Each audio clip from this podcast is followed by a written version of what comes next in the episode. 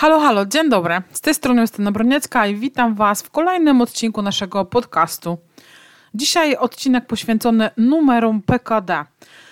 Pomysł dlatego, że coraz częściej wracacie do nas z pytaniami typu jak wybiorę doradztwo, to czy to oznacza, że muszę od razu wejść na, na VAT? A czy jeżeli zapomnę jakiegoś numeru PKD, czy to się z czymś wiąże? A jak wystawię fakturę i nie będzie tego numeru PKD, czy będę musiał coś z tym zrobić? Dzisiaj postaramy się odpowiedzieć na te wszystkie pytania. Zacznijmy od tego, co to są właściwie te numery PKD. E, każdy typ działalności jest jakby sklasyfikowany według jakichś e, numerów, i te numery w momencie, kiedy zakładamy firmę, bez względu na to, jaka jest forma prawna tej firmy, za każdym razem trzeba te numery PKD wybrać. No i teraz e, patrzymy sobie na całą listę tych numerów i patrzymy, które nas dotyczą na dzisiaj i które potencjalnie będą nas dotyczyły w najbliższej przyszłości. Bardzo często mówi się o tym, żeby wpisać wszystko, co potencjalnie jest możliwe do zastosowania w naszej firmie, wszystko, co się potencjalnie może wydarzyć, dlatego że w teorii nie można wystawić faktury na coś, czego nie ma się w numerach PKD praktyce jeszcze nie zdarzyło mi się, aby Urząd Skarbowy podczas kontroli sprawdzał zgodność tego, co mamy na fakturach z numerami PKD, co nie oznacza, że tego nigdy nie będą robić, albo co nie oznacza, że to się nigdy nie, nie dzieje.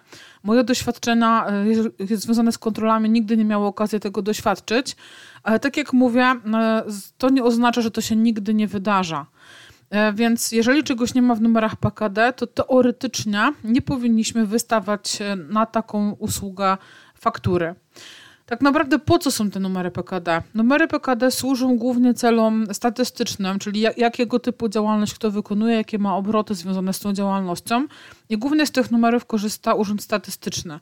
A więc stosunkowo rzadko ma coś to wspólnego z Urzędem e, Skarbowym. No i teraz pytanie, czy co, co się stanie, tak? jeżeli wystawię fakturę, a nie mam tego w numerach PKD? Prawdopodobnie nic, natomiast gdyby pojawiła się kontrola, to znam takie historie, że e, prawnicy mówią, że jeżeli to jest jednorazowa sytuacja, to urząd zwykle jakby no, mówi, że tak nie wolno i tyle. Natomiast jeśli robimy to cyklicznie, e, to mogą na, na nas e, jakby nałożyć karę za jakby wystawianie faktur niezgodnie ze zgłoszoną numeracją PKD. W praktyce, tak jak już wcześniej powiedziałam, nigdy nie miałam z tym do czynienia, więc czy to się kiedykolwiek wydarza, trudno jest mi powiedzieć. Pytanie też o zmianę numerów PKD. Co jeżeli zmienię profil działalności, co jeżeli zauważę, że jest mi potrzebne coś nowego, to często pojawia się pytanie, jak te numery PKD zmienić. No i teraz w przypadku, jeżeli jest to działalność gospodarcza, jednoosobowa działalność gospodarcza, to po prostu wchodzimy na, na stronę Centralnej Ewidencji Działalności Gospodarczych, składamy wniosek o zmianę, zmieniamy numery PKD, podpisujemy podpisem elektronicznym czy ePUAP-em, profilem zaufanym, tak, i w tym momencie jest po sprawie. Natomiast trochę trudniej jest w momencie, jeżeli takie numery PKD dotyczą naszej e, spółki. Najczęściej spółki kapitałowej. Wtedy każda zmiana numeru PKD zwiąże się ze zmianą umowy spółki, a następnie ze zgłoszeniem tej zmiany do KRS-u. Więc jest to związane i z opłatami z jednej strony, ale też ze zdecydowanie dłuższym czasem reakcji, jeżeli chodzi o widoczność tego PKD e, w naszym rejestrze e, sądowym. No i chyba najtrudniejszy temat PKD i VAT. E, wszyscy już wiemy, że są takie usługi, na przykład jak doradztwo, jak handel samochodami, jak handel stalą, e, który z, z automatu zobowiązuje nas do tego, żebyśmy się zarejestrowali do VAT-u. E, czyli bez względu na to, jaki mamy obrót, to od pierwszego dnia powinniśmy być VAT-owcami. I teraz w momencie, jeżeli wybierzecie sobie takie usługi z numerów PKD, i one widnieją tylko w waszej statystyce, ale na, nie wykonujecie takich usług. Czyli mam usługę doradztwa wybraną, ale realnie nie wystawiam takich faktur, nie robię doradztwa.